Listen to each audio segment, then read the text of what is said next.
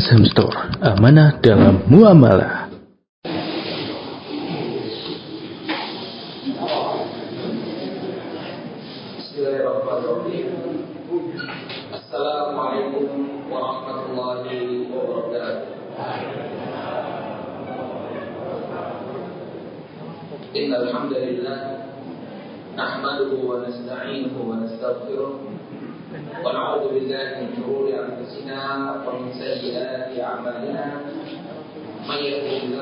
فلا مضل له ومن يضلل فلا هادي له. أشهد أن لا إله إلا الله وحده لا شريك له وأشهد أن محمدا عبده ورسوله. اللهم صل وسلم على نبينا محمد وعلى آله وصحبه ومن اتبع هداه إلى يوم الدين. قال الله تبارك وتعالى في كتابه الكريم يا أيها الذين آمنوا اتقوا الله حق تقاته ولا تموتن إلا وأنتم مسلمون.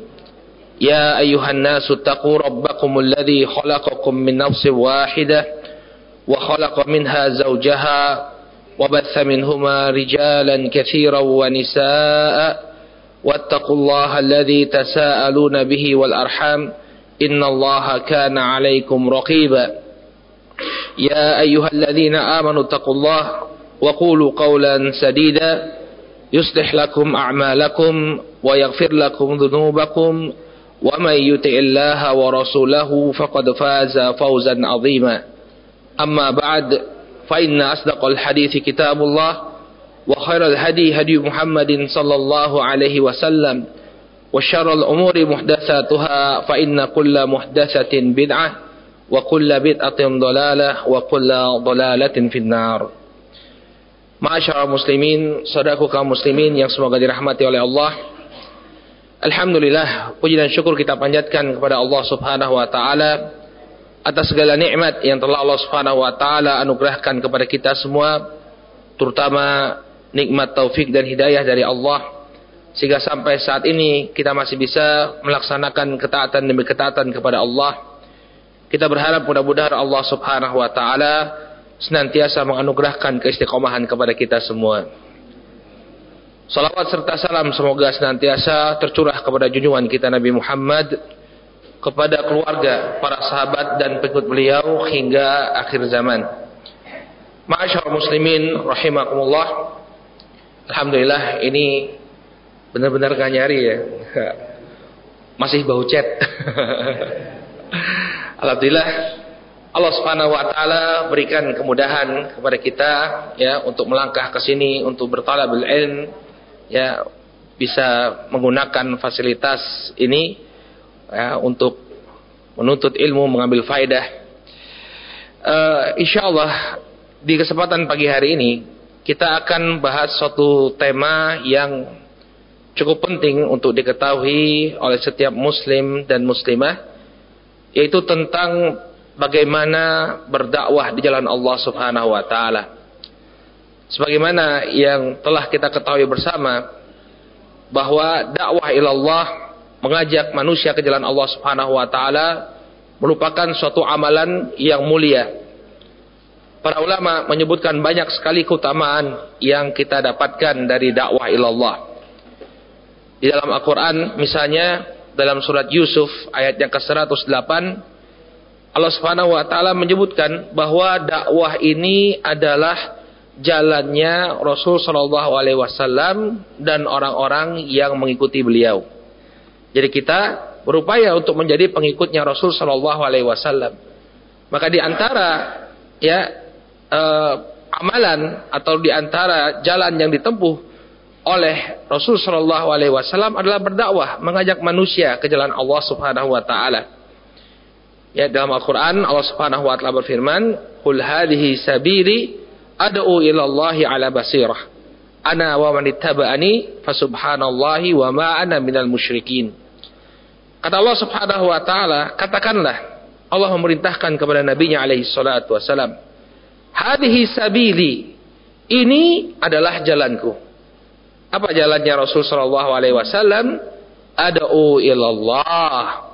Aku mengajak manusia ke jalan Allah Subhanahu wa taala. Dan itu bukan jalan yang beliau tempuh. Ana wa ittaba'ani. Ya, adu ilallahi ala basirah. Aku mengajak manusia ya ke jalan Allah Subhanahu wa taala di atas ilmu. Aku dan orang-orang yang mengikutiku. Fasubhanallahi wa ma ana minal musyrikin. Maka maha suci Allah Subhanahu wa taala dan tidaklah aku tergolong orang-orang musyrik. Maka barang siapa ya yang ingin menjadi pengikut Nabi alaihi salatu wasalam hendaknya dia mene, apa, melangkah di jalan dakwah. Hendaknya dia berupaya untuk mengajak manusia ke jalan Allah Subhanahu wa taala. Apa yang bisa dia lakukan untuk mengajak orang pada kebaikan dia lakukan. Maka orang yang menempuh jalan ini pada hakikatnya dia telah menempuh jalan yang telah ditempuh oleh Rasul sallallahu alaihi wasallam. Oleh karena itu ikhwati rahimani wa rahimakumullah hendaknya kita bersemangat mengambil peran dalam dakwah. Apa yang kita bisa lakukan untuk dakwah kita lakukan. Demikian juga di antara keutamaan berdakwah di jalan Allah Subhanahu wa taala. Ketika seseorang berdakwah di jalan Allah Subhanahu wa taala kemudian Allah Subhanahu wa taala berkenan untuk memberikan hidayah kepada orang yang dia dakwahi lewat dakwahnya tersebut, maka ini merupakan anugerah yang demikian besar dan uh, tidak dan melebihi ya harta kekayaan dunia yang paling mahal. Dalam hadis yang diriwayatkan oleh Al-Imam Al-Bukhari dan Muslim dari sahabat Sahal bin Sa'ad As-Sa'idi radhiyallahu taala anhu, Nabi sallallahu alaihi wasallam bersabda, "La yahdiyallahu bika rajulan wahidan khairun laka min humrin na'am." Kata Rasul sallallahu alaihi wasallam, apabila Allah Subhanahu wa taala itu berkenan untuk memberikan hidayah ya kepada seseorang melalui dirimu maka yang demikian lebih baik lebih utama daripada unta-unta merah para ulama menyebutkan mana unta merah ya di kalangan bangsa Arab itu adalah ya di kalangan bangsa Arab ketika itu adalah harta yang paling bernilai harta yang paling berharga di tengah-tengah mereka maka ikhwati fillah rahimani wa rahimakumullah, ketika seseorang berdakwah di jalan Allah Subhanahu wa taala, kemudian Allah berkenan memberikan hidayah kepada orang yang dia dakwahi, maka dia akan mendapatkan keutamaan yang sangat luar luar biasa. Terlebih lagi ya, bukan hanya pahala yang melebihi unta-unta merah, tapi setiap kali orang tersebut melakukan kebaikan ya yang kita dakwahkan, Misalnya kita ngajak orang sholat, ada orang yang tidak sholat sebelumnya. Kemudian kita ajak dia untuk menjaga sholat lima waktunya. Atau ada orang yang bergelimang kemaksiatan. Kemudian kita ajak dia untuk meninggalkan kemaksiatannya.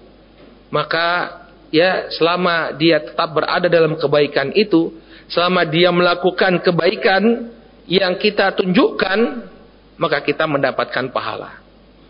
Makanya luar biasa sekali dakwah ilallah ini mengajak orang kepada kebaikan. Ya, bukan hanya pahala dari dakwah yang kita lakukan, tapi dari apa yang mereka lakukan setelah kita dakwahi. Ketika dakwah itu diterima, kita mendapatkan pahala dari Allah Subhanahu wa taala. Dalam sebuah hadis yang diriwayatkan uh, oleh Al-Imam Muslim rahimahullahu taala, Nabi sallallahu alaihi wasallam bersabda, "Man dalla ala khairin falahu mithlu ajri fa'idihi." Barang siapa yang menunjukkan pada kebaikan, maka dia akan mendapatkan pahala orang yang melakukan kebaikan tersebut. Dalam riwayat yang lain disebutkan bahwa pahala tersebut tidak mengurangi sama sekali pahala orang yang melakukan kebaikan tadi. Jadi kita ketika mengajak orang pada kebaikan, kita dapat pahala dakwah, kemudian kita dapat pahala dari apa yang dia lakukan, dan ini tidak mengurangi pahala dia sama sekali. Oleh karena itu sangat merugi orang yang tidak ingin ikut serta dalam berdakwah, mengajak manusia kepada kebaikan. Karena sesungguhnya ini merupakan investasi bagi kita. Ya, orang ketika dia berdakwah menyampaikan sebuah ilmu yang bermanfaat, ya, entah itu mungkin uh, dia sampaikan secara langsung atau dia sebarkan melalui medsosnya atau dia sebarkan di grup-grup keluarganya maka itu semua merupakan ilmu yang bermanfaat yang akan mengalirkan pahala kepada seseorang walaupun dia telah meninggal dunia. Ingat, dakwah artinya apa? Kita menyampaikan ilmu, menyampaikan Al-Quran dan Sunnah Nabi alaihi salatu. Maka ilmu yang bermanfaat ini termasuk dari salah satu amalan yang pahalanya akan mengalir walaupun kita telah meninggal dunia. Di dalam hadis yang diriwayatkan oleh Imam Muslim dari sahabat Abu Hurairah radhiyallahu taala anhu, Nabi sallallahu alaihi wasallam bersabda, "Idza mata ibnu Adam in qata'a amaluhu illa min thalath." Apabila seorang anak Adam dia meninggal dunia, maka akan terputuslah amalannya kecuali tiga perkara. Yang pertama kata Nabi alaihi salatu wasalam, sedekahun jariyah. Sedekah jariyah. Seseorang mewakafkan hartanya untuk Islam dan kaum muslimin yang manfaatnya masih bisa diambil walaupun dia telah meninggal dunia, maka ini akan mengalirkan pahala baginya. Kemudian yang kedua, au ilmun yuntafa'u bihi ilmu yang bermanfaat. Dakwah termasuk menyampaikan ilmu. Ya, menyampaikan qala Allah wa qala Rasul. Ya, maka ini akan menjadi amalan yang pahalanya akan mengalir kepada kepada kita. Kemudian yang ketiga, ya awaladun salihun yad'ulah. Anak yang soleh yang mendoakannya. Oleh karena itu, rahimani wa rahimakumullah, maka hendaknya kita bersemangat untuk berdakwah, mengajak manusia ke jalan Allah Subhanahu wa taala. Demikian juga di antara keutamaan dari dakwah ilallah, ya, kita akan terhindar dari termasuk golongan yang merugi. Di orang-orang yang mengajak kepada kebaikan, ya, memberikan nasihat kepada manusia, mengajak manusia kepada jalan Allah Subhanahu wa taala, maka dia terhindar dari termasuk orang-orang yang mendapatkan kerugian dalam surat Al-Asr ya semua kita telah menghafalnya Allah Subhanahu wa taala berfirman wal asr innal insana lafi khusr illa alladziina amanu wa amilus salihati wa tawasaw bil haqqi wa tawasaw bis sabr. Kata Allah Subhanahu wa taala demi masa sesungguhnya manusia berada di atas kerugian kecuali orang-orang yang beriman dan beramal saleh kemudian mereka saling menasihati dia saling menasihati ya di dalam kebenaran dan saling menasihati di dalam kesabaran. Oleh karena itu ikhwan fillah rahimani wa rahimakumullah, barang siapa yang tidak ingin tergolong orang-orang yang merugi, maka hendaknya dia berdakwah mengajak manusia ke jalan Allah Subhanahu wa taala. Ini adalah keutamaan-keutamaan yang kita peroleh dari dakwah ilallah dan masih banyak lagi keutamaan yang lain. Kemudian dalam berdakwah, ini juga yang perlu kita perhatikan bahwa dalam berdakwah ada kaedah-kaedah, demikian juga adab-adab yang perlu kita ketahui agar dakwah kita ini menjadi amalan yang saleh yang diterima oleh Allah Subhanahu wa taala.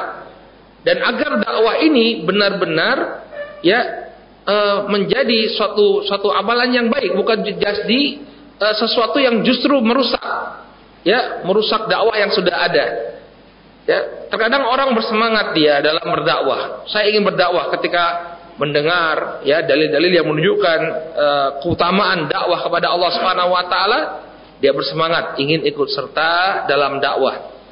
Tapi karena tidak tahu dia bagaimana ketentuan-ketentuan dalam berdakwah, akhirnya bukanlah perbaikan yang dia dapatkan, bukanlah perbaikan yang dia lakukan, tapi justru dia menebarkan kerusakan di tengah-tengah masyarakat. Oleh karena itu, seorang dai ilallah membutuhkan bekal. Tidak bisa kemudian dia hanya ber, bermodalkan semangat saja. Yang penting dakwah, dakwah, dakwah, dakwah. Tanpa bekal yang syar'i. Nah inilah yang insya Allah akan kita bedah di pagi hari ini. Tentang bekal-bekal apa saja yang kita butuhkan dalam berdakwah di jalan Allah subhanahu wa ta'ala. Maka hadirin yang dirahmati oleh Allah. Bekal yang pertama yang hendaknya dimiliki oleh setiap dai ilallah adalah keikhlasan. Ketika dia berdakwah mengajak manusia ke jalan Allah Subhanahu wa taala, hendaknya dia melakukannya dengan keikhlasan, mengharapkan ridho dari Allah Subhanahu wa taala. Bukan kemudian dia berdakwah mengajak manusia untuk meraih popularitas atau untuk meraih harta dunia. Ya, Maka orang yang berdakwah harus melakukan dakwahnya dengan keikhlasan.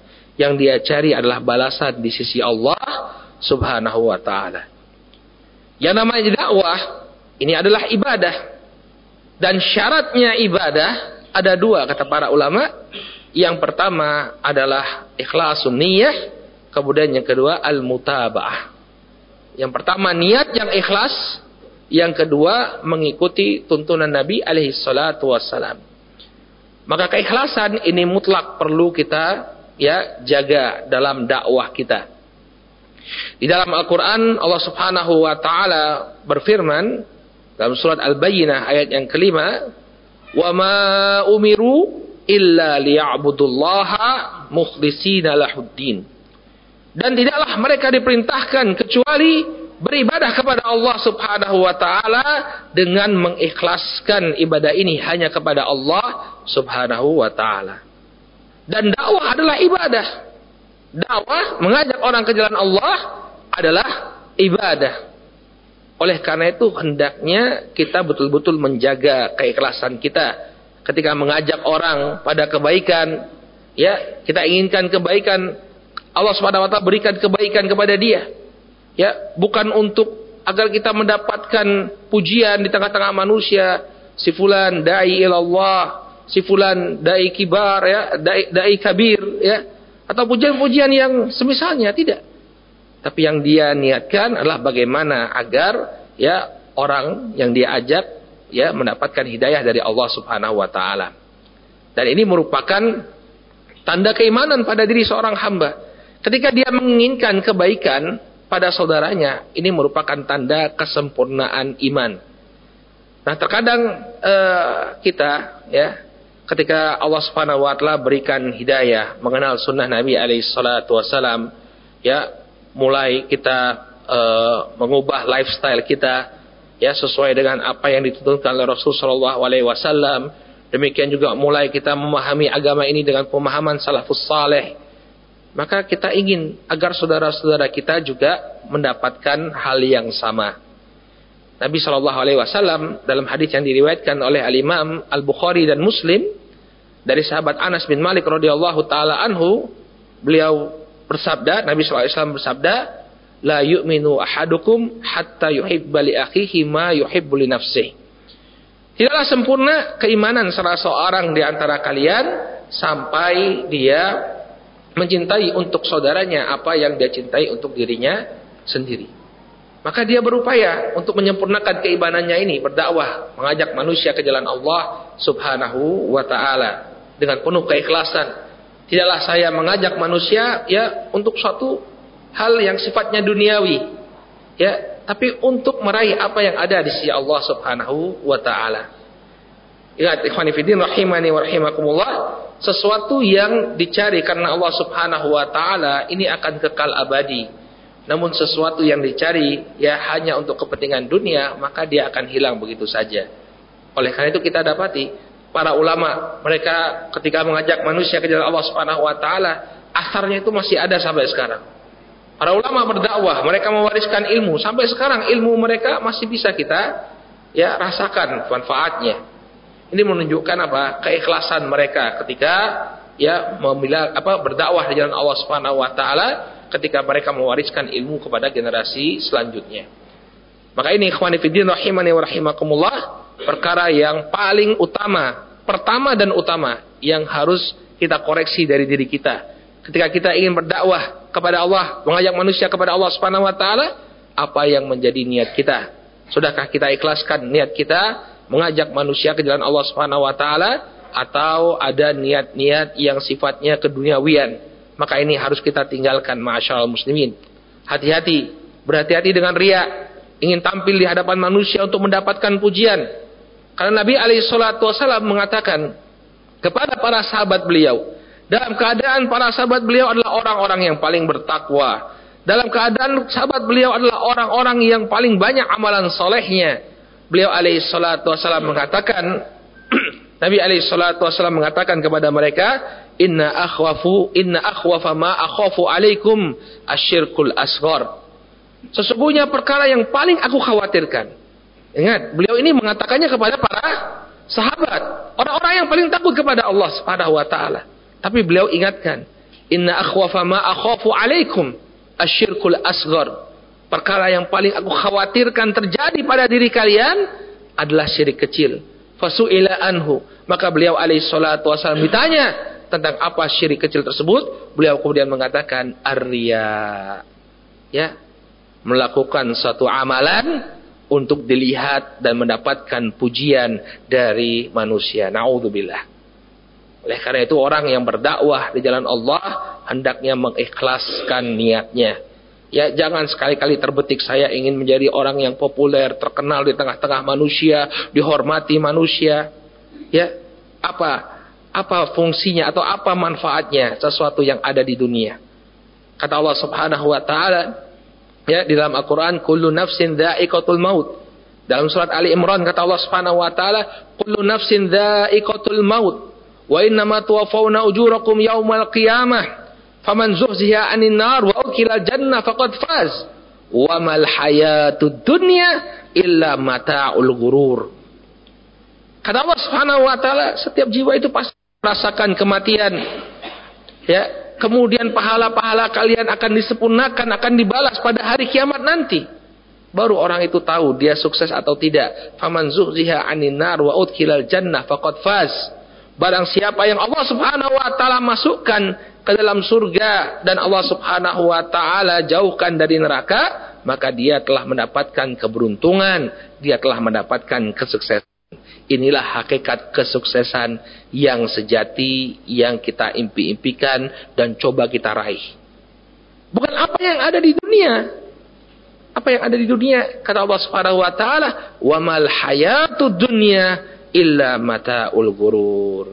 Dan tidaklah ya uh, apa wa mal hayat kehidupan dunia ini melainkan dia hanya kesenangan yang menipu. Senang dia dipuji-puji oleh manusia, senang diangkat-angkat namanya.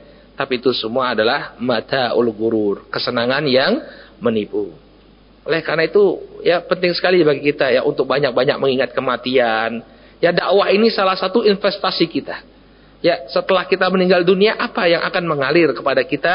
Ya, walaupun kita telah berada di alam kubur, apa yang akan mengalir kepada kita? Salah satunya mudah-mudahan adalah dengan dakwah ilallah. Makanya dakwah harus dilakukan dengan penuh keikhlasan kepada Allah Subhanahu wa taala.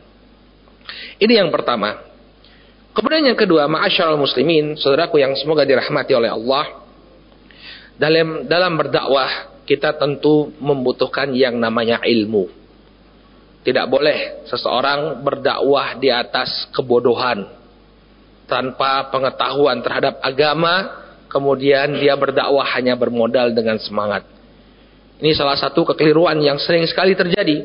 Orang-orang yang berdakwah tanpa diiringi dengan ilmu.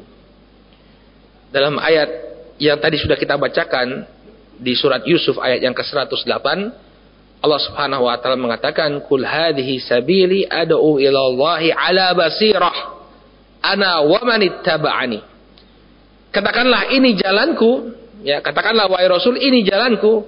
Aku mengajak manusia ke jalan Allah Subhanahu wa taala alal basirah, di atas il ilmu. Sehingga tidak boleh bagi seseorang untuk berdakwah tanpa adanya ilmu. Oh, saya rasakan bahwa ini baik. Lalu diajak manusia untuk melakukan itu.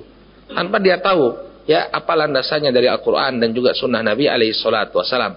Maksudnya tanpa dia ketahui bahwa memang ini perbuatan yang diperintahkan dalam agama. Hanya sekedar mengandalkan perasaannya saja. Tidak boleh.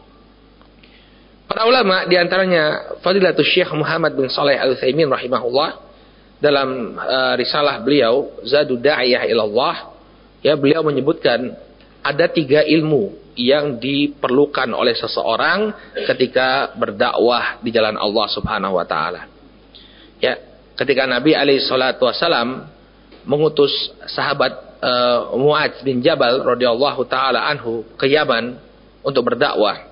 Beliau berpesan kepada Muadz, "Ya Muadz, uh, innaka satati qauman min ahli kitab. Falyakun awwalu ma tad'uhum ilahi syahadata an la ilaha illallah wa anna Muhammadar Rasulullah."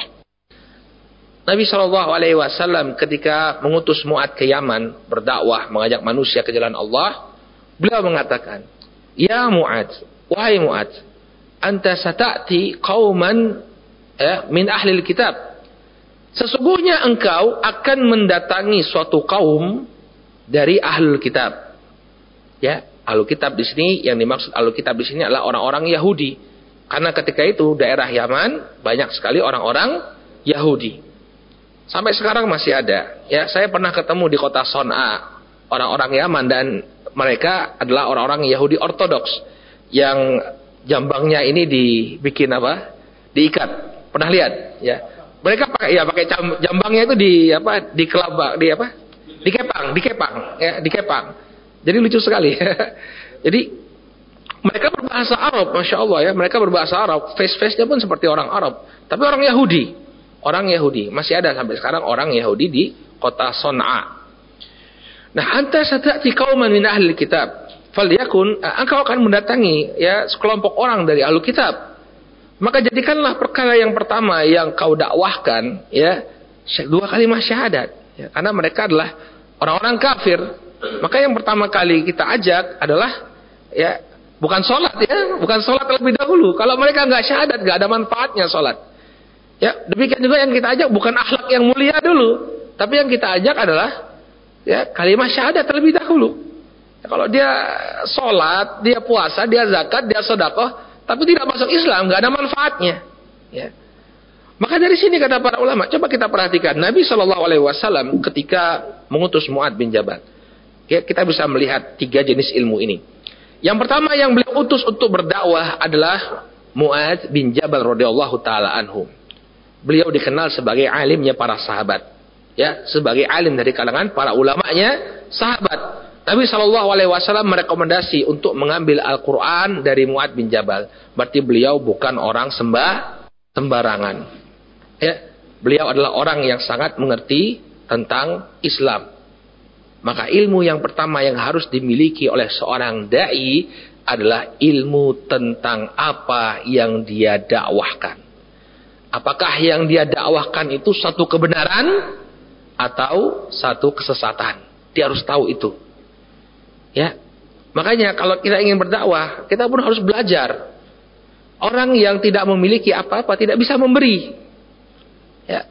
Oleh karena itu ikhwan fillah rahimani wa rahimakumullah, menuntut ilmu itu harus menjadi jalan hidup kita, apalagi kalau kita ingin mendapatkan keutamaan dakwah ilallah. Ya, antum nggak bisa berpangku tangan saja kemudian ingin berdakwah tanpa mau belajar. Orang itu baru bisa berdakwah kalau dia bela belajar.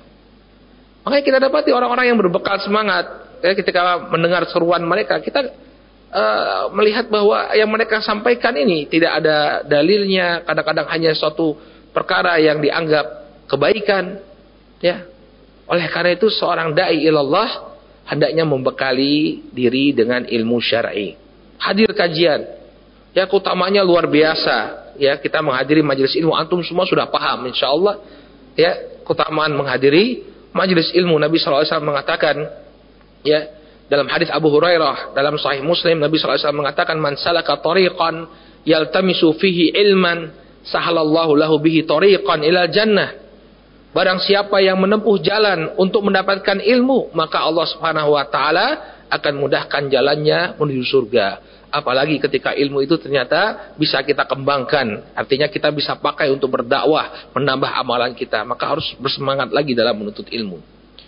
Kemudian ilmu yang kedua Nabi mengatakan anta satati kauman min ahli kitab engkau akan mendatangi suatu kaum dari kalangan ahli kitab apa maknanya maknanya kita hendaknya berilmu tentang siapa yang kita hadapi ya ini berkaitan dengan hikmah dalam dakwah.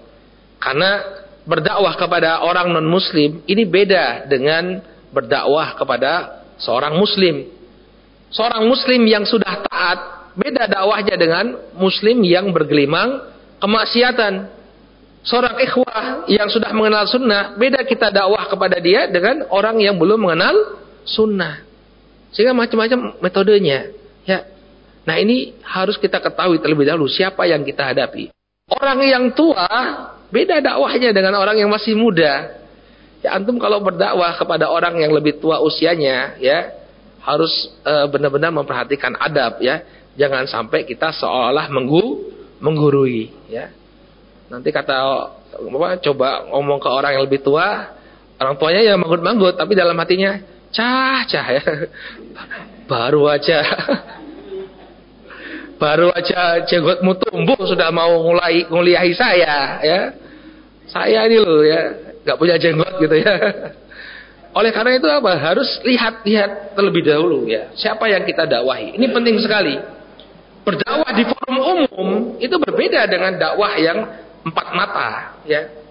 Makanya eh, kemarin itu alhamdulillah eh, kami diundang oleh kawan-kawan dari Artivisi itu masya Allah pencerahan sekali ya eh, tentang bagaimana berdakwah di depan publik. Ya kita itu kalau dakwah sebenarnya dakwah di masjid atau dakwah di lembaga-lembaga pendidikan itu sebenarnya aman kita berbicara. Tapi kalau sudah mulai di live kan ini ya, ini sudah masuk ke ruang publik. Nah ini harus siap-siap dengan konsekuensi hukumnya. Berarti jangan nyental-nyentil, hati-hati ya. Maka bahasanya itu harus dipilih. Oleh karena itu kita harus lihat siapa yang kita dakwahi. Kemudian yang ketiga, metode dakwah ya. Bagaimana apa yang harus menjadi prioritas kita untuk kita sampaikan. Nabi Shallallahu Alaihi Wasallam ketika uh, apa memberikan ujangan atau pesan kepada Muaz karena yang engkau akan hadapi ini adalah orang-orang ahlu kitab dari kalangan Yahudi falyakun awwala ma tad'uhu ilaihi ya syahadatu an la ilaha illallah. Maka yang pertama kali yang menjadi prioritas dakwahmu adalah syahadat la ilaha illallah. Jadi harus punya prioritas. Tauhid terlebih dahulu yang hendaknya kita dahulukan. Percuma misalnya ngajak orang sholat-sholat, tapi dia masih melakukan praktek kesyirikan. Kenapa? Karena praktek kesyirikan yang dia lakukan akan menghapuskan pahala dari amalan sholatnya tadi. Ya, kata Allah Subhanahu wa taala, "Lain asyrakta la yahbatanna amaluk wa la takunanna minal khasirin." Apabila engkau melakukan kesyirikan, maka akan terhapus amalanmu dan engkau akan menjadi orang yang merugi. Sehingga tauhid itu perlu menjadi prioritas kita untuk kita dakwahkan. Makanya ada metode dakwah. Kita harus tahu apa yang menjadi prioritas dakwah kita. Ya, percuma orang misalnya menjauhi riba, kemudian e, melaksanakan sholat, tapi kemudian dia tidak meninggalkan kesyirikan, apalagi itu syirik akbar. Ya, orang yang melakukan syirik akbar, khwanifidin rahimani wa rahimakumullah, dia akan diharamkan oleh Allah Subhanahu wa taala untuk masuk ke dalam surga. Kata Allah Subhanahu wa taala, "Innahu man yusyrik billah faqad haramallahu alaihi jannah wa ma'wahu nar wa ma lidzalimina min ansar." Sesungguhnya barang siapa yang melakukan kesyirikan kepada Allah, Allah akan haramkan baginya surga, tempat kembalinya adalah neraka dan tidak ada seorang pun yang bisa memberikan pertolongan kepada orang-orang yang melakukan syirik. Baik, ini perkara yang pertama yang menjadi bekal seorang uh, perkara yang kedua yang menjadi bekal seorang dai yaitu ilmu. Ilmu tentang apa yang dia dakwahkan, ilmu tentang siapa yang akan dia dakwahi dan ilmu tentang metodologi dakwah. Kemudian yang berkaitan juga dengan ilmu tentang orang yang akan kita dakwahi, poin yang ketiga sebagai bekal dakwah kita adalah hikmah. Hendaknya berdakwah dengan hikmah. Ya. Syekh Abdul Rahman bin Nasir As-Sa'di rahimahullah taala dalam tafsirnya ya beliau menyebutkan bahwa hikmah itu menempatkan sesuatu ya ini dengan maknanya ya menempatkan sesuatu pada tempatnya. Ini berkaitan dengan dakwah kita. Ya. Sebagai contoh saja, ketika kita berdakwah di suatu lingkungan yang mereka sudah antipati dengan yang namanya waha wahabi, misalnya ini contoh saja ya. Ya, maka jangan kemudian kita berdakwah dengan terang-terangan saya kajian usul thalathah yang nulis siapa? Muhammad bin Abdul Wahab. Ya, ya orang semua udah antipati. Makanya dakwah itu juga harus ada strateginya. Ya, harus dengan hikmah. Jangan kemudian ketika kita melihat satu kemungkaran semuanya diingkari langsung dengan tangan misalnya dengan ucapan kita. Ya, ini seperti dakwah itu seperti amar ma'ruf nahi mungkar juga. Jangan sampai muncul kerusakan yang lebih besar. Jangan sampai muncul kerusakan yang lebih besar. Ya, makanya seseorang perlu berdakwah dengan hikmah. Nabi alaihi salatu wasallam kalau kita lihat bagaimana praktek beliau, ya, beliau terkadang bersikap keras, beliau terkadang bersikap lembut dan toleran. Misalnya ketika Mu'ad, tadi Mu'ad bin Jabal yang tadi sudah kita katakan bagaimana beliau ilmunya, ya. Ketika Mu'ad bin Jabal ini punya kebiasaan beliau, beliau sholat bersama Nabi alaihi salatu wasallam di Masjid An-Nabawi, kemudian beliau pulang ke kampungnya untuk mengimami ya masyarakat di kampungnya sholatul isya. Nah, tapi beliau itu sholat dengan bacaan yang panjang. Ya, maka Nabi Shallallahu Alaihi Wasallam mengatakan, apakah engkau ingin membuat fitnah, wahai Muad? Ya. Jadi uh, beliau menegur dengan keras. Kenapa? Karena tahu Muad ini adalah seorang yang berilmu. Ya kalau ditegur dengan keras pun nggak jadi masalah karena memang yang dia lakukan menimbulkan fitnah di tengah-tengah masyarakat. Tapi coba bandingkan dengan orang Badui yang kencing di masjid. Saya kira antum semua pernah dengar ceritanya. Ya, ada orang Badui kencing di masjid. Ketika dia kecil di masjid, para sahabat ya tahu sendiri ya, wah ini masjid kok dikencingi ya. Tapi Nabi SAW membiarkan, dahu, biarkan saja. Sampai kemudian badui itu selesai, ya kemudian Nabi SAW memerintahkan para sahabat untuk menyiramkan air ke tempat badui tadi kencing. Kemudian dipanggil oleh Nabi SAW, didakwahi dengan penuh kelemah lembutan. Ini masjid, tempat zikir, tempat ibadah kepada Allah, ya tidak pantas untuk dibuang kotoran di sini. Maka apa yang dikatakan oleh Badui tadi terkesan sekali beliau dengan Nabi alaihi salatu wasalam. Terkesan sekali beliau alaihi salatu uh, dengan Nabi alaihi salatu wasalam.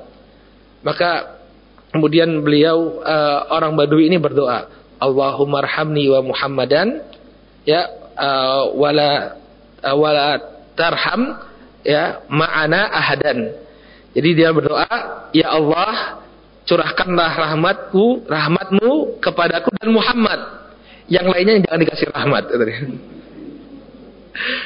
Kenapa dia seperti itu? Karena terkesan dengan dakwahnya Nabi Alaihissalam. Yang lainnya ini nggak usah dikasih rahmat ya, nggak apa-apa ya. Yang penting Nabi sama saya dapat rahmat gitu ya. Maka Nabi SAW mengatakan engkau telah menyempitkan sesuatu yang yang luas. Nah kita lihat bagaimana Nabi Shallallahu Alaihi Wasallam ya eh, berdakwah dengan hikmah. Contoh lain dari praktek dakwah beliau yang dipenuhi dengan hikmah. Ikhwani fiddin rahimani wa rahimakumullah. Surat beliau kepada Herokla. Beliau ketika mengajak uh, Herokla atau Heraklius Adimir Rum, ya, beliau tetap menghormati posisi Herokla sebagai seorang kaisar. Ya, dalam surat beliau dituliskan kepada kepada Herokla, Bismillahirrahmanirrahim min Muhammadin Rasulillah ila Herokla azimir rum. Bismillahirrahmanirrahim. Dari Muhammad utusan Allah kepada Heraklius, pembesar atau kaisar Romawi. Beliau tidak kemudian, wah ini musyrik, kok usah dihormati. Tidak. Ini orang punya jabatan. Kaisar Romawi, Imperium Romawi itu kan kekuasaannya membentang dari timur ke barat. ya Yang bisa disaingi oleh orang Persia ketika itu. Ini kalau tidak dihormati, ya pasti dia sudah akan mencak-mencak terlebih dahulu. Makanya tempatkanlah seseorang itu pada posisinya. Antum ketika berdakwah di tengah-tengah masyarakat, ada tokoh-tokoh masyarakat di sana, ya itu harus diwongke. Jangan kemudian nggak dipandang sama sekali, ya. Saya dakwah di kampung, ya disapa dulu lah ya, bapak-bapak yang saya hormati, ya. Jadi orang itu uh, simpatik dengan dakwah, itulah namanya hikmah. Jangan wah iki pelaku maksiat kok, wah iki sering melakukan kebidahan ya lu bidah, lu bidah, lu bidah. Akhirnya dakwahnya ditolak. Ya. Oleh karena itu harus berdakwah dengan penuh hikmah, ya. Ud'u ila sabili rabbik bil hikmati wal mau'izatil hasanah wajadilhum billati hiya ahsan. Ya, di sini Allah Subhanahu wa taala menyebutkan metode dalam berdakwah. Ya, serulah kepada jalan Rabbmu dengan hikmah Artinya apa? Kata Syekh Asyidi tadi itu, tempatkan sesuatu pada tempatnya. Ya. Kemudian dengan mau'idah hasanah. Ya, mau'idah hasanah artinya kita melakukan targhib buat tarhib. Penyemangat dan ancaman. Kalau kita melakukan ini, maka kita akan dapatkan ini. Kalau kita meninggalkan, kalau kita tidak meninggalkan kemaksiatan, maka kita akan dapatkan ini ancamannya. Itu namanya mau itu hasanah. Kemudian wajadilhum billati ahsan dan debatlah mereka dengan cara yang baik. Ini maksudnya apa? Kalau ada seseorang yang dia sudah terbiasa dengan suatu kekeliruan yang sudah menjadi kebiasaan dia, itu bagaimana caranya agar dia ya bisa pindah dari ya kesalahan yang dilakukan kepada al-haq. Jadilhum billati hiya ahsan ya berdebatlah dengan cara yang baik. Kenapa kamu melakukan seperti ini ya? Padahal Nabi SAW melakukan seperti ini. Kenapa anda melakukan seperti ini? Padahal tidak ada tuntunannya dari Nabi SAW. Kenapa anda melakukannya seperti ini? Padahal dalam Al-Quran dikatakan bahwa perbuatan ini termasuk perbuatan syirik. Nah seperti itulah dalam berdakwah. Perlu adanya hikmah. Kemudian yang keempat. Bekal dari seorang juru dakwah atau da'i ilallah adalah akhlak yang mulia dan pergaulan yang baik dengan masyarakat. Nah ini dia, ini yang sangat penting. Kenapa Nabi Shallallahu Alaihi Wasallam itu uh, diterima dakwahnya? Ya, jadi sebenarnya yang membuat orang itu menolak dakwah Nabi Shallallahu Alaihi Wasallam itu adalah kesombongan, al-kibr. Kenapa? Karena kalau orang melihat sosok Nabi Shallallahu Alaihi Wasallam, mereka tidak akan melihat suatu hal yang negatif dari diri beliau Akhlak beliau adalah akhlak yang mulia. Ya, ketika berkata, beliau berkata dengan baik, berkata dengan santun. Semua orang mencintai Rasul Shallallahu Alaihi Wasallam. Coba kenapa mereka menolak dakwah Nabi Shallallahu Alaihi Wasallam? Karena itu tadi, ya karena kesombongan. Mereka tidak mau mengganti apa yang sudah menjadi tradisi, ya nenek moyang mereka dengan apa yang dibawa oleh Rasulullah Shallallahu Alaihi Wasallam. Tapi kalau dari ciri, dari pribadi Nabi SAW, nggak ada satupun yang bisa mereka celah. Kenapa? Karena beliau adalah orang yang sangat berakhlak mulia. Maka kita kalau ingin dakwah itu diterima di tengah-tengah masyarakat, hiasilah diri kita dengan akhlak yang mulia. Ya Nabi Shallallahu Alaihi Wasallam ya mengatakan innama buistu liutammima makarimal akhlak. Ya hanya saja aku diutus untuk menyempurnakan akhlak yang mulia menunjukkan bahwa akhlak yang mulia ini adalah satu perkara yang penting terutama bagi orang yang ingin berdakwah di Allah Subhanahu wa taala. Maka orang ketika ingin berdakwah, ketika dakwahnya ditolak oleh manusia, coba dia koreksi, bercermin. Jangan-jangan dakwahnya itu ditolak bukan dari apa yang dia sampaikan, tapi dari keburukan akhlak akhlaknya. Ya, tidak pernah bersosialisasi dengan masyarakat, ya ya tiba-tiba kasih ceramah. Kue selama ini mana ke mana gitu ya. Nggak pernah tahu ya. Masyarakat nggak pernah tahu tiba-tiba dia berdakwah. Maka bergaullah dengan masyarakat. Nah jadi masalah. Ya hal-hal yang tidak memiliki syari kita berkiprah di tengah-tengah masyarakat itu bukan satu permasalahan sama sekali. Misalnya dalam acara-acara sosial kerja bakti ya ronda kalau masih ada ronda ya semua kegiatan sosial kita ikuti, bersosial dengan masyarakat, dengan tetangga. Dan itu adalah ajaran Islam. Ya, Nabi Shallallahu alaihi wasallam mengatakan, "Man kana yu'minu billahi wal yaumil akhir falyukrim jarahu." Barang siapa yang beriman kepada Allah dan hari akhir, maka hendaknya dia muliakan tetangganya. Nah ini kuat sudah mengenal sunnah sama tetangga gak pernah bergaul. Sama tetangga gak pernah menyapa sama tetangga tidak pernah punya kepedulian. Ya, bagaimana mau diterima dakwahnya? Atau dia memiliki sifat kaku, ya, kalau berdakwah keras, ya, selalu mencela, mencela, mencela, mencela saja. Maka orang-orang akan berat untuk menerima dakwah. Ya, dakwah ini berat ya. Kata Asy Al-Albani rahimahullah, dakwah ini sudah berat, jangan diperberat lagi dengan buluknya akhlak. Ya, Lihat bagaimana Nabi Shallallahu Alaihi Wasallam Allah Subhanahu Wa Taala menggambarkan tentang bagaimana karakter Nabi Shallallahu Alaihi Wasallam dan kaitannya dengan dakwah. Fabima rahmatin min rabbik lintalahum walau kunta faddan ghalidal qabilan faddu min haulik. Ya, dengan rahmat dari Rabbmu maka engkau pun bersikap lemah lembut kepada mereka. Kalau engkau bersikap keras, ya bersikap kaku, hatimu kemudian keras, ya hatimu beku, maka mereka akan berpaling darimu. Kalau kita bersikap keras di tengah-tengah masyarakat, maka ya masyarakat akan berpaling, tidak akan mau menerima dakwah kita. Kemudian yang kelima, ikhwan fillah rahimani rahimakumullah, Yang kelima, hendaknya dakwah kita memiliki prioritas. Artinya berdakwahlah kepada lingkungan terkecil kita, orang-orang yang ada di dekat kita. Kalau kita melihat Nabi alaihi salatu wasalam, beliau diperintahkan oleh Allah Subhanahu wa taala pertama kali untuk memberikan peringatan kepada karib kerabat beliau. Wa andir ashiratakal aqrabin kata Allah Subhanahu wa taala. Dan berikanlah peringatan kepada ya keluargamu yang terdekat. Ini salah satu problematika dalam dakwah. Orang sibuk berdakwah, dia jadi pegiat dakwah.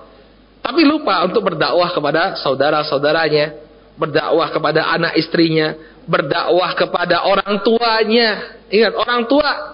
Orang tua itu harus menjadi prioritas kita. Jangan sampai anaknya sudah kenal sunnah, bapaknya nggak didakwahi, ya bapaknya masih bergelimang dengan kesyirikan, bapaknya masih bergelimang dengan kebid'ahan dan kemaksiatan, ke mana antum? Ya, sibuk sana kemari ikut apa apa menjadi pegiat dakwah. Orang tua dilupakan. Ya, kalau kita lihat bagaimana dahulu para sahabat, ya mereka itu berupaya bagaimana agar orang tua mereka itu masuk Islam. Dalam kitab Al-Adabul Mufrad, Al-Imam Al-Bukhari membawakan kisah bagaimana Abu Hurairah ya mengajak ibunya untuk masuk Islam ketika itu. Dia mengajak ibunya untuk masuk Islam, tapi ibunya malah mencela Nabi alaihi salatu wasalam. Maka kemudian dia mendatangi Nabi alaihi salatu wasalam, meminta agar Nabi sallallahu alaihi wasallam mendoakan ibunya sampai kemudian ketika dia pulang ya disebutkan dalam riwayat tersebut eh, terdengar gemericik air di rumah sang ibu. Tunggu wahai Abu Hurairah kata ibunya. Kemudian apa yang terjadi? Begitu dibuka pintunya, ibunya mengucapkan asyhadu an la ilaha illallah wa anna muhammadar rasulullah. Ibunya masuk Islam. Ya, Nah terkadang kita dakwah ke mana-mana, tapi keluarga terdekat tidak kita dakwahi. Coba kita lihat, mungkin ada anggota keluarga kita yang nggak sholat, ya nggak? Masih banyak anggota keluarga kita yang tidak sholat. Masih banyak dari anggota keluarga kita yang melakukan praktek perdukunan. Ya, masih banyak di antara saudara-saudara kita dari kalangan muslimah yang belum menggunakan hijab syar'i. Masih banyak sekali PR kita maka dakwah itu harus diprioritaskan, harus ada prioritasnya. Dan juga orang-orang teman-teman kita ini juga ya ikhwan, ya. Saya mendengar seruan ya, seruan untuk meninggalkan teman-teman kita di masa lampau. Ini ada benarnya, tapi perlu kita beri catatan. Ketika teman-teman kita di masa lampau, ya orang-orang yang bergaul dengan kita, orang-orang yang berinteraksi dengan kita, ya ketika kita masih bergaul dengan mereka itu menimbulkan satu hal yang buruk. Memang kita harus jaga jarak. Tapi kalau tidak menimbulkan suatu hal yang buruk, ya, dalam keadaan kita pernah menjalin hubungan emosional dengan dia. Teman seperjuangan dari zaman susah dulu, merantau ke Surabaya, tidak punya apa-apa. Ya. Kemudian kita lupakan begitu saja. Dalam keadaan dia bergelimang kemaksiatan, dalam keadaan dia nggak sholat. Ya. Mungkin sahabat kita ini kalau dia dengar kajiannya ustadz ustadz kita, dia nggak mau dengar. Ya, lihat ustadznya udah jenggotnya udah besar nih, kealiran garis keras. Tapi dia tahu bahwa kita ini sahabat dia. Orang yang berkorban untuk dia, pernah berkorban untuk dia.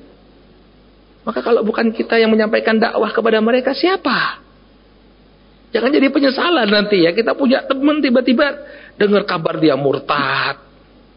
Ya, dapat undangan pemberkatan di gereja. Naudzubillah. Ya. Karena mungkin kita asik dengan komunitas kita yang baru, dengan kawan-kawan, ikhwan-ikhwan, pegiat-pegiat dakwah, kita melupakan teman-teman kita. Ya, orang-orang yang pernah berhubungan dengan kita, memiliki hubungan baik dan mungkin dia berjasa kepada kita. Maka coba kita jadikan juga mereka prioritas. Ya. Tapi dengan tadi ya ada ada koridornya selama pergaulan tersebut tidak kembali e, menarik kita pada kemaksiatan yang dulu pernah kita lakukan. Kemudian yang ke berapa? Yang keenam, ya. Hendaknya seorang yang berdakwah ini memiliki dada yang lapang dalam permasalahan khilafiyah. Jadi memang kalau kita baca, para ulama itu kan terkadang berbeda pendapat. Karena mereka berbeda dalam melihat sebuah dalil. Berbeda perspektif dalam melihat sebuah dalil. Maka perkara-perkara yang masih bisa kita tolerir, itu kita tolerir. Jangan kemudian ngotot-ngototan. ya Ya makanya banyak fatwa dari para ulama ya, di antaranya dari Syekh Saleh Al Fauzan. Syekh Saleh Al Fauzan itu menekankan kita kalau belajar fikih itu sesuai dengan fikih yang di yang ada di negara tersebut. Jangan kemudian buat kacau tengah-tengah manusia dengan membawa fikih yang baru. Ini fatwa Syekh Saleh Al Fauzan. Antum tahu Syekh Saleh Al Fauzan ulama besar. Ya, beliau sudah banyak makan asam garam dakwah Beliau berfatwa agar kita itu mengikuti mazhab yang ada di negeri kita. Kenapa? Karena kalau kita mengerti mazhab, ya, mengikuti mazhab yang ada di negeri kita, ya, tentunya semua mazhab itu dalilnya sama, Al-Quran Sunnah. Ya, semua mazhab itu nggak ada yang sesat. Semua mazhab itu mengikuti Al-Quran dan Sunnah. Cuma mereka beda perspektif dalam melihat dalil tersebut. Dan perspektif yang berbeda ini sudah ada dari zaman Rasul Shallallahu Alaihi Wasallam. Para sahabat ketika Nabi SAW memerintahkan La tusalliyanna ahadun minkum illa fi Bani Quraidah. Janganlah salah seorang di antara kalian salat kecuali di Bani Quraidah. Ya, salatul asr, janganlah kalian salat asar kecuali di Bani Quraidah. Sebagian para sahabat ketika tiba waktu salat asar di Bani apa belum sampai ke Bani Quraidah, ya, mereka tidak salat. Mengambil teks hadis tadi bahwa salat asar harus diselenggarakan di Bani Quraidah. Sebagian para sahabat menganggap, oh ini maksudnya adalah agar kita bersegera. Tapi kalau sudah tiba waktu sholat, kita belum sampai di Bani Quraidah, ya udah sholat. Mereka berbeda. Ya, maka Nabi SAW tidak mencela salah satu pihak tersebut. Dia mencela dua-duanya, tidak mencela salah satu di antara mereka. Maka ini salah satu perkara yang perlu kita perhatikan dalam berdakwah. Kalau antum paham madhab syafi'i, ya mungkin kita yang bisa dijadikan rujukan oleh masyarakat. Pak ini dalam madhab syafi'i seperti ini loh Pak misalnya. Oh iya toh, oh iya Pak. Oh, iya. ya. Pertama kita bisa memperkecil celah konflik dengan masyarakat. Ya, ketika kita paham, oh ini yang sudah sudah ber, bertahun-tahun ya, ratusan tahun berlaku di negeri kita mazhab Syafi'i ya.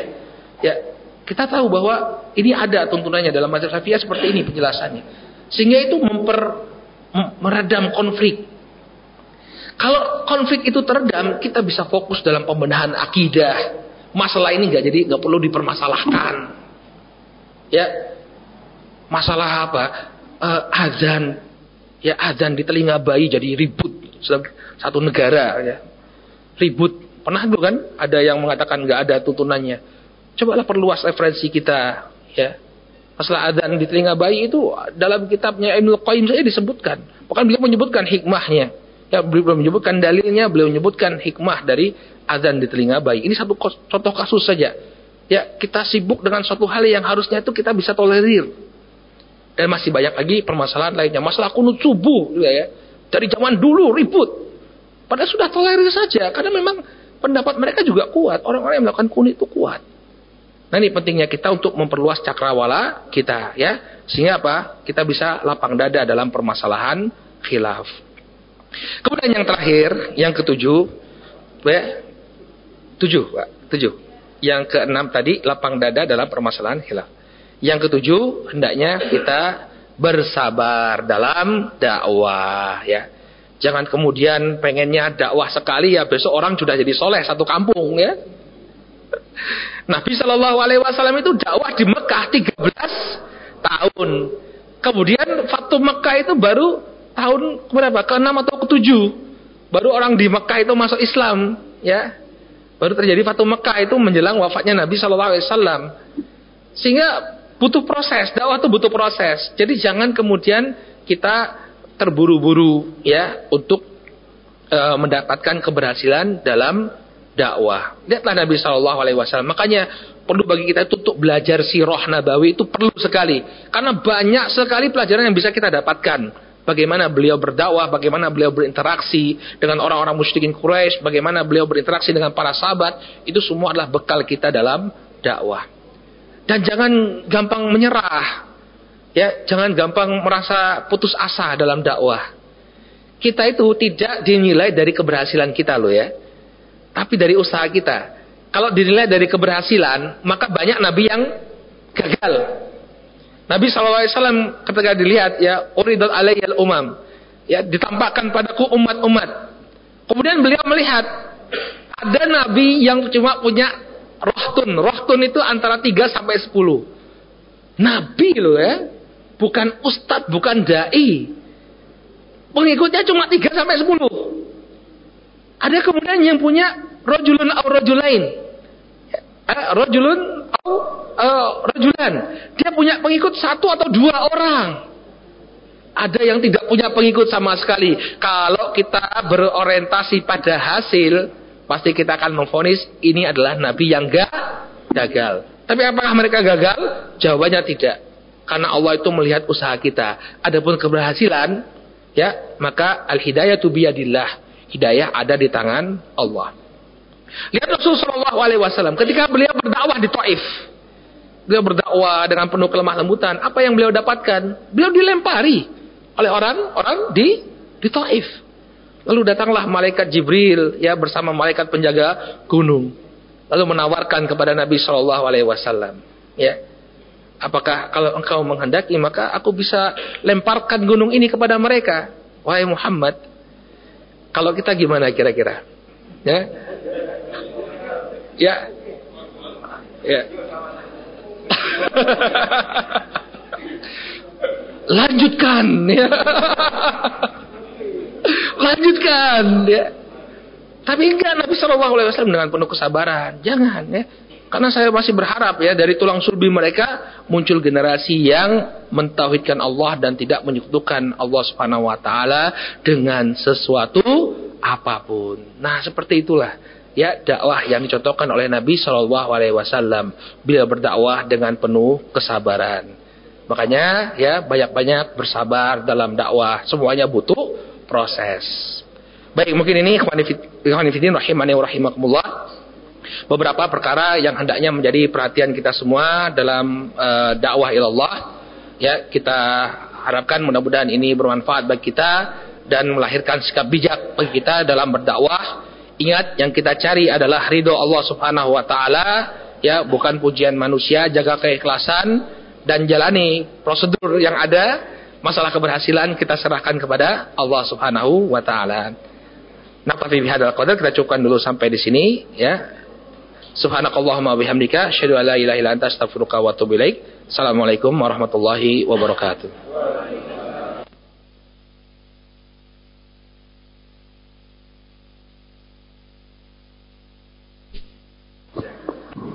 Ya boleh lah, boleh. Satu dua pertanyaan.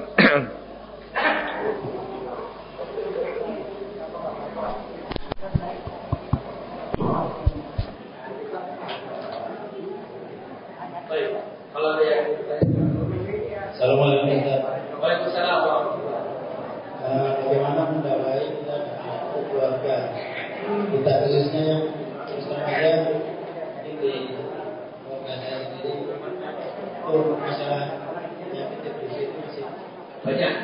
gitu makanya terus terang sering-sering kayak mengatakan ini cara ini nih masih menuruti orang yang di kampung apa tanggal lulus saya itu gimana Ya ini masalah kita bukan ada semuanya, semuanya juga sama ya. Karena memang yang namanya TBC, tahu TBC tidak? Tuberkulosis, bukan? TBC itu tahoyul. Oh ya, ibu-ibu belum selesai kajiannya bu. Kami harapkan kepada ibu-ibu untuk tetap tenang karena kajian belum selesai. Ya bu. TBC itu tahoyul bid'ah curofat. Ya. pakai ejaan lama pak. Itu kan dari zaman 20-an, tahun 20-an. Jadi pakai curofat. Ya. Nah caranya yang pertama kita perbaiki akhlak kita. Ini yang pertama. Ya, tetap menunjukkan akhlak yang baik kepada mereka. Karena orang itu kalau sudah lihat akhlak yang buruk itu sudah antipati. Tapi misalnya ngelihat oh si fulan ini sejak apa? Sejak ngaji itu tambah perhatian kepada karib kerabatnya. Suka nelpon Pak D-nya, Pak D gimana kabarnya? Suka mengunjungi Pak Leknya, ya, suka mengunjungi orang tuanya. Kalau saudaranya ada yang memerlukan sesuatu, dia siap bantu. Nah, kalau sudah orang itu apa ya? Kalau huruf Jawa itu kalau sudah dipangku itu mati. Maksudnya apa? Kalau orang itu sudah berhutang budi, dia nggak enakan. Ya, mungkin ketika kita berdakwah kepada dia, dia tidak akan dia tidak suka, tapi dia akan tidak akan secara frontal. Jadi itu yang pertama, ya kita tetap menunjukkan akhlak yang baik. Nah Nabi Shallallahu Alaihi Wasallam itu dalam sirah Ibnu Ishaq ketika beliau berdakwah, ketika diperintahkan untuk berdakwah kepada karib kerabat, itu beliau tuh ngajak makan-makan. Paman-pamannya itu diajak makan-makan. Ya, Ali yang bantu beliau untuk uh, menyediakan makanan. Tapi karena itu Abu Lahab itu sudah tahu ini pasti ada maunya. Setiap kali Nabi ingin berdakwah dicekal, cekal, cekal. Sampai terakhir kali Nabi SAW bisa menyampaikan dakwah. Ini menunjukkan bahwa kita hendaknya tetap berbuat baik kepada karib kerabat kita. Kemudian ya kalau memang butuh keluarkan modal, keluarkan modal, hadiah. Coba lihat Nabi Shallallahu Alaihi Wasallam ketika beliau berhasil menaklukkan kota Makkah dan kemudian berhasil ya dalam perang Hunain ya ketika berhasil memenangkan peperangan melawan orang-orang Taif itu banyak mendapatkan gonimah. Gonimah ini diserahkan kepada orang-orang yang baru masuk Islam. Ada yang dapatkan 100 unta, ada yang dapatkan satu lembah kambing, ya. Nah terkadang hati itu perlu digerakkan dengan harta. Coba berikan hadiah kepada mereka. Ya, kata Nabi alaihi salatu wasallam, tahadu tahabbu Salinglah kalian memberikan hadiah, maka niscaya kalian akan saling cintai. Maka tumbuhkan rasa cinta kepada saudara-saudara kita. Nah, kemudian cari waktu yang tepat ya. Sampaikan bahwa kita mencintai mereka, ada hal-hal yang tidak tepat ya. Tidak tidak sesuai dengan syariat ya. Misalnya mereka masih sudah mengunjungi tempat-tempat keramat untuk ngalap berkah.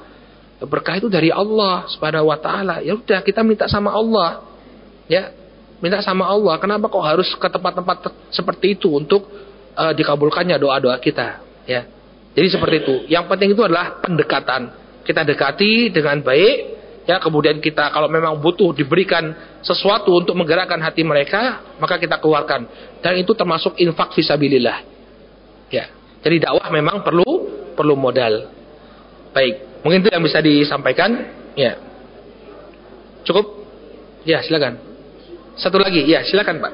Silakan Pak. Langsung aja kalau. Nih. Waalaikumsalam warahmatullahi Ya.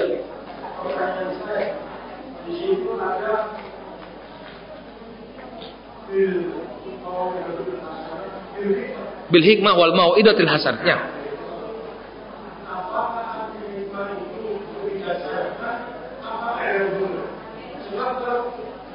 Hikmah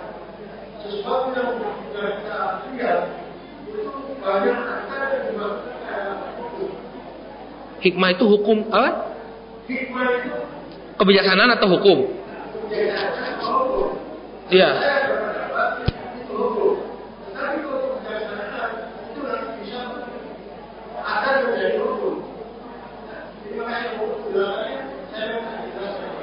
Baik, para ulama al tafsir menjelaskan bahwa hikmah di sini adalah uh, kita menempatkan sesuatu pada tempatnya. Ini dalam tafsir Asadi disebutkan demikian.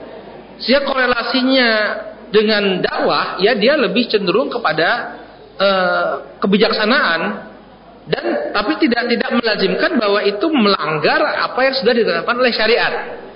Jadi memang dakwah itu kita harus fleksibel tapi tidak sampai melanggar batasan syariat. Misalnya gini, ketika kita ingin mendakwahi orang yang melakukan kemaksiatan, apakah artinya karena mereka melakukan kemaksiatan kita harus ikut melakukan maksiat juga agar mereka mau mendengar kita? Jawabnya tidak. Maka ini bukan hikmah. Hikmah tetap kebijaksanaan yang dipagari dengan koridor syariat. Ya.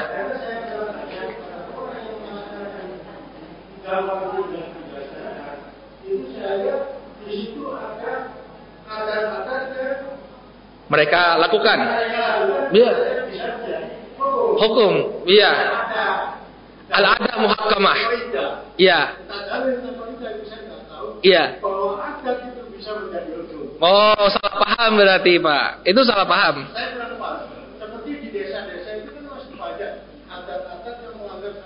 Betul. Hukum. Oh, keliru berarti, keliru dalam itu makanya dakwah perlu ilmu. ya adat al-adat muhakkamah, kaidah yang disebutkan oleh para ulama, adat itu bisa menjadi hukum. Misalnya ada satu perkara yang disebutkan di dalam Al-Qur'an secara umum. Misalnya saya ambil contoh eh, bagaimana seseorang memperlakukan istrinya. Dalam Al-Qur'an, wa ashiruhunna bil ma'ruf dan perlakukanlah istri kalian dengan cara yang baik. Maka kata para ulama, di ini dilihat kebiasaan orang tersebut uh, di suatu negeri, bagaimana kebiasaan mereka memperlakukan istri mereka dengan baik. Misalnya, mencukupi nafkah dalam artian makan tiga kali sehari. Maka Awashiruhun nabil ma'ruf di sini maknanya adalah memberi makan ya seseorang uh, istrinya tiga kali sehari dengan makanan yang lazim dimakan oleh mereka penduduk negeri tersebut. Demikian juga wa'ashiruhun nabil ma'ruf misalnya dia di negeri yang lain jenis makanannya berbeda. Maka al-adah muhakamah tidaklah seseorang itu dikatakan sebagai orang yang melakukan satu kebaikan kecuali dia memberikan apa yang sudah menjadi kebiasaan dalam negeri tersebut. Itu maksudnya al-adah muhakamah. Jadi hal-hal yang sifatnya umum ya disebutkan dalam Al-Qur'an ya kemudian e, disesuaikan dengan apa yang menjadi kebiasaan tempat tersebut. Tapi kalau misalnya sesuatu yang sudah jelas itu suatu kemaksiatan, suatu hal yang melanggar syariat, tidak bisa dilegalkan dengan hanya alasan bahwa itu adalah kebiasaan atau tradisi. Jadi tetap ada koridor syar'inya.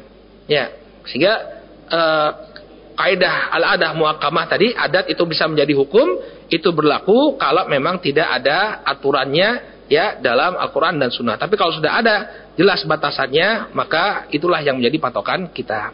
Allah taala alam. Ya batasan. Eh?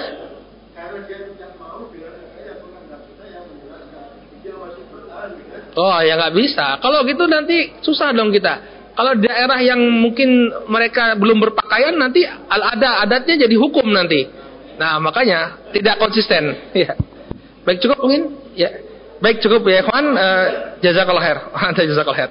Baik, kita juga dulu sampai di sini mudah-mudahan disampaikan bermanfaat. Tadi sudah kita tutup ya. Subhanakallahumma wa bihamdika asyhadu an la ilaha illa anta wa atubu. Assalamualaikum warahmatullahi wabarakatuh.